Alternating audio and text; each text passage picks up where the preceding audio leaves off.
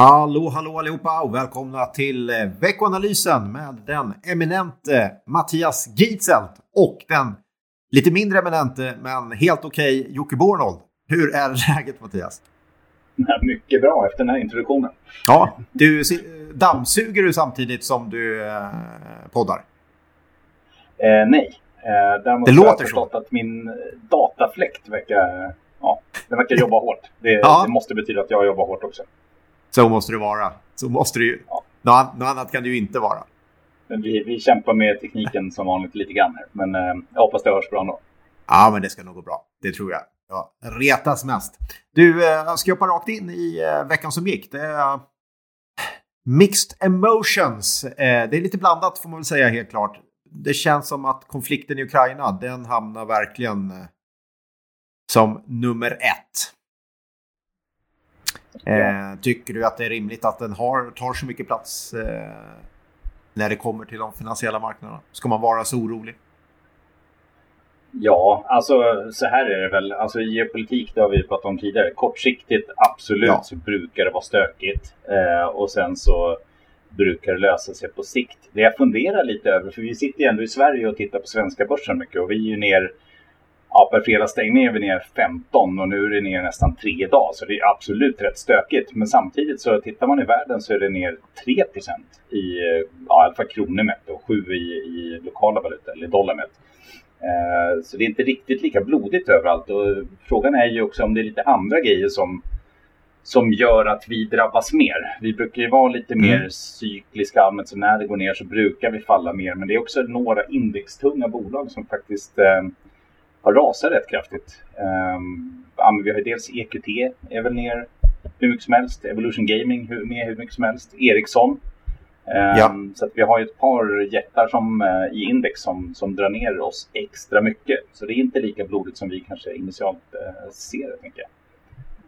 Uh, sen är det ju, alltså, äh, men, alltså, sen är det ju osäkerhet och det, då, då är det lättare att det blir en rekyl. Absolut. Det var lite stökigt förra veckan. Eh, vi hade några bolag. Ericsson stack ut förstås. Eh, och det var ju som så då att eh, Uppdrag granskning hade startat har börjat ställa frågor till Ericsson och då tyckte väl Ericsson att det var bättre att lämna ut all information innan Uppdrag granskning gjorde det. Mm. Och det handlade ju om då att man eventuellt har varit involverad i att muta IS för att säkerställa transporter. Det är klart, det är ju inte bra och inte snyggt på något sätt och vis. Ehm, men jag trodde nog inte att aktien skulle följa 14 procent dagen efter. Och, eller det trodde jag inte överhuvudtaget. Och totalt 20 eh, under veckan. Eh, så det är väldigt starka reaktioner överlag just nu. Vi såg också senast idag väldigt kraftiga svängningar i eh, Samhällsbyggnadsbolaget. Eh, och det är väl svårt att, att, säga exakt vad det där beror på. Men kan konstatera att eh, ska man gissa någonstans så kanske man landar tillbaks i Ukraina ändå. Det, det stökar till det lite. När det redan var stökigt kring ränta, inflation och så vidare. Och så det här krigshotet. Det är liksom en grej till och så klarar marknaden inte av det riktigt. Och då, då försvinner risktagandet rätt rejält. Och då ser man ganska kraftiga svängningar i individuella aktier. Eh, helt klart. Och Ericsson... Jag tror man, man, kan väl sammanfatta det, osäkerheten är så stor så när det väl kommer något negativt kring något bolag, men är bara att ta Facebook eller ja, Meta som det ja. för, för någon vecka eller två sedan. Det är ju, då blir det ju stora reaktioner och ett, under ett normalår när det liksom inte har gått upp kanske året innan med 30-35 procent, ja men då ska, ska det ner 10 procent på en sån nyhet och nu är det väl kanske snarare 15-20 på, på något sånt. Eh, men det är klart, det kan ju studsa tillbaka lika snabbt också. Eh, hittills så tycker jag inte man ser så mycket liksom, rotation i helt andra sektorer eller helt andra tillgångar och så vidare. Utan det, det känns som det är fortfarande ganska mycket pengar på sidan av. Eh, som mycket väl kan komma tillbaka också. Yes. Däremot, någonting positivt, det är att fortsätter man kolla på eh, vinsterna som ramlar in och fokuserar på amerikanska börsbolag så eh, nej, det är ju fortfarande så att man, man överträffar vinstestimaten och eh, det är någonting som förstås lär styrka börsen framåt. Eh, det är, eh, väl alltid något. Eller egentligen är det ju så här, det är ju det som är det viktiga, att bolagen levererar vinst. Verkligen. Och, men jag tittade på lite siffror som, som sammanfattar rapportsäsongen i USA lite grann och då är det ju ja, över 80 procent som har kommit in nu med, med siffror. Och då är det ju, tittar man fjärde kvartalet, ja men det är 26 procents vinsttillväxt och den är ju för sig ner då från Q3, Q2 förra året. Men det är ju för att jämförelsetalen blir svårare. Men det är fortfarande ganska bra siffror. Och eh, tittar man på typ lönsamhet, eh, 12,1 procents nettomarginal i bolagen i USA, den var 12,5 under Q3. Eh, ser också riktigt bra ut. Eh, och faktiskt om man tittar på hur analytiker i snitt reviderar sin syn här under året. Så ja, men man drar upp förväntningarna snarare lite grann för 2022, både vad gäller omsättning och vad gäller vinst. Så att eh, siffror som kommer in är det inget fel på. Det är mer osäkerheten kring det som aktuellt händer och det kan ju naturligtvis dra ner eh, på, ja, dels naturligtvis eh, väldigt kortsiktigt i humöret men också Eh, kan det ju också öka på inflationsförväntningar ytterligare, sånt som redan har bidragit negativt till, eh, till marknadsnedgången. Så det, eh, det, får vi se hur mycket det gör. Ju längre det håller på desto värre blir det naturligtvis för sentimentet. Mm. Yes. Du, om vi ramlar in på lite makrostatistik så eh, är det så tror du att vi har sett toppen på inflationen den här gången? Jag vet inte faktiskt riktigt. Alltså, i, nu kom det in KPIF för Sverige här um, och uh, följer faktiskt till 3,9 om man tittar på övergripande siffra. Så den ser ju ut att vara lite, lite toppad. Föll från 4,1 då. Men samtidigt så var ju då om man rensar bort energipriserna så steg det istället till 2,5 från 1,7 och väntat 1,9. Så den är ju faktiskt lite högre och nu ligger ju då svensk kärninflation över målet. Um, drivet av uh, ja, svaga kronan och energipriserna och så vidare. Och, ehm, ja, jag tycker nog att vi, det finns en risk att det fortsätter vara på ganska höga nivåer.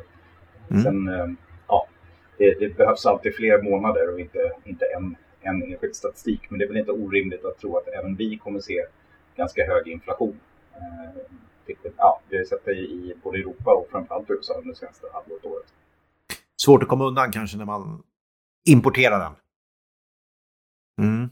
Men eh, Kina, där, eh, där är inflationen betydligt lägre och fallande.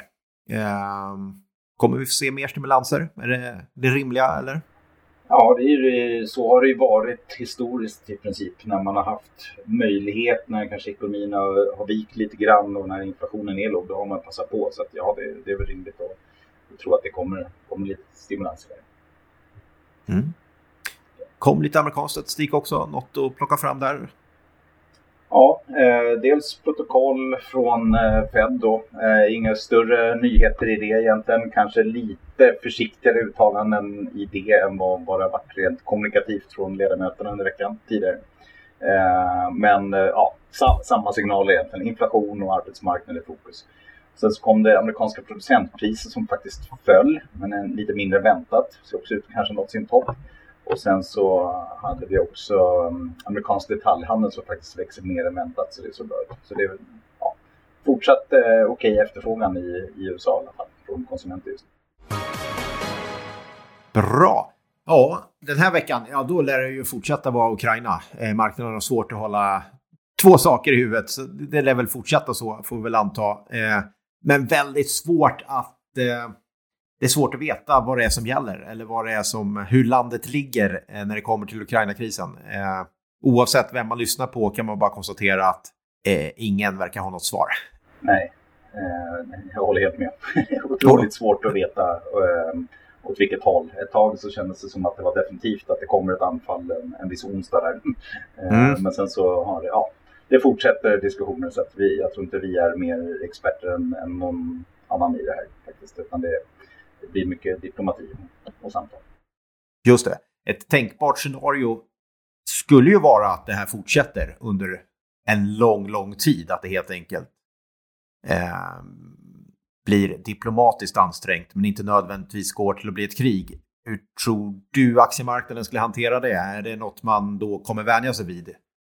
Eller, eller eh, kommer det, det fortsätta vara osäkert? Någonstans måste man väl ändå acceptera det nya läget, eller?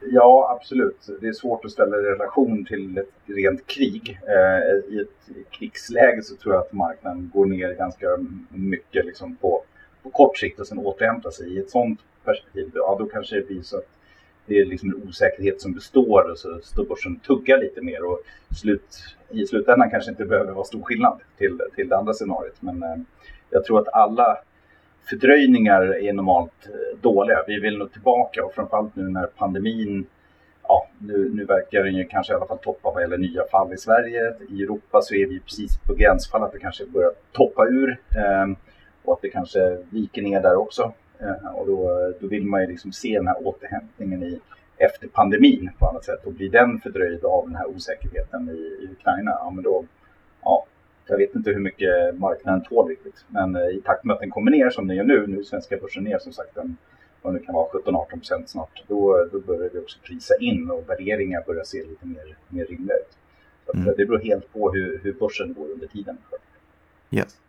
Ja, kommer ett gäng eh, rapporter i alla fall nästa vecka. Eh, bland annat eh, Daimler, Bass och Alibaba. Eh, och mycket annat förstås också, även om den svenska rapportperioden börjar lugna ner sig och det är mer eh, mindre bolag som, som kommer.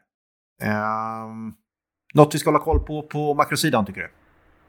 Ja, lite preliminära inköpschefsindex kommer från större västerländska ekonomier. Sen så kommer ju amerikansk eh, konsumentförtroende. Eh, och är alltid en bra indikator som historiskt i alla fall haft ganska bra samband med, med börsrörelser. Eh, inte direkt på siffran, men liksom om man ser trender över tid i den.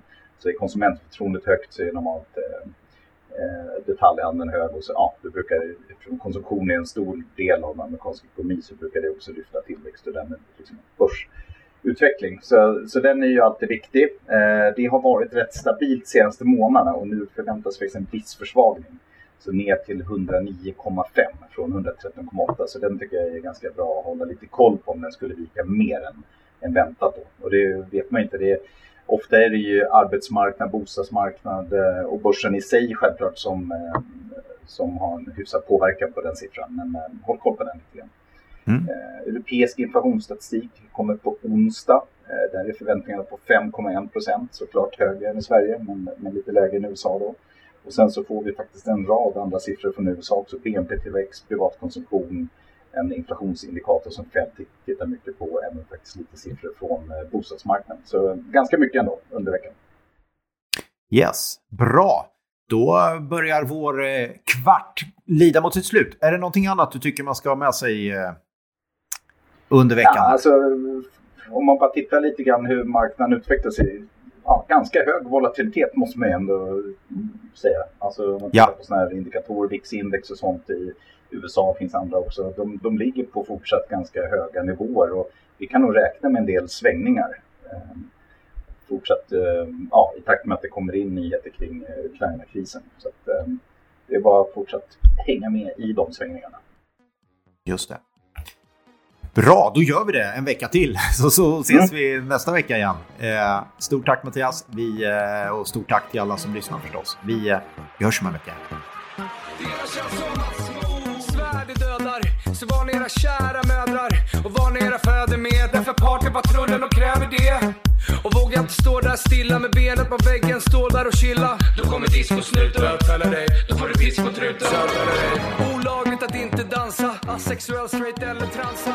Och vi ska upp bland molnen, varannan dag men alltså en skål sen. Vi ska twista till svetten, lackar till polisen, juristen och rätten backar. Skiter i tiden och vad klockan slår när vi revar hela dygnet så långt vi förmår.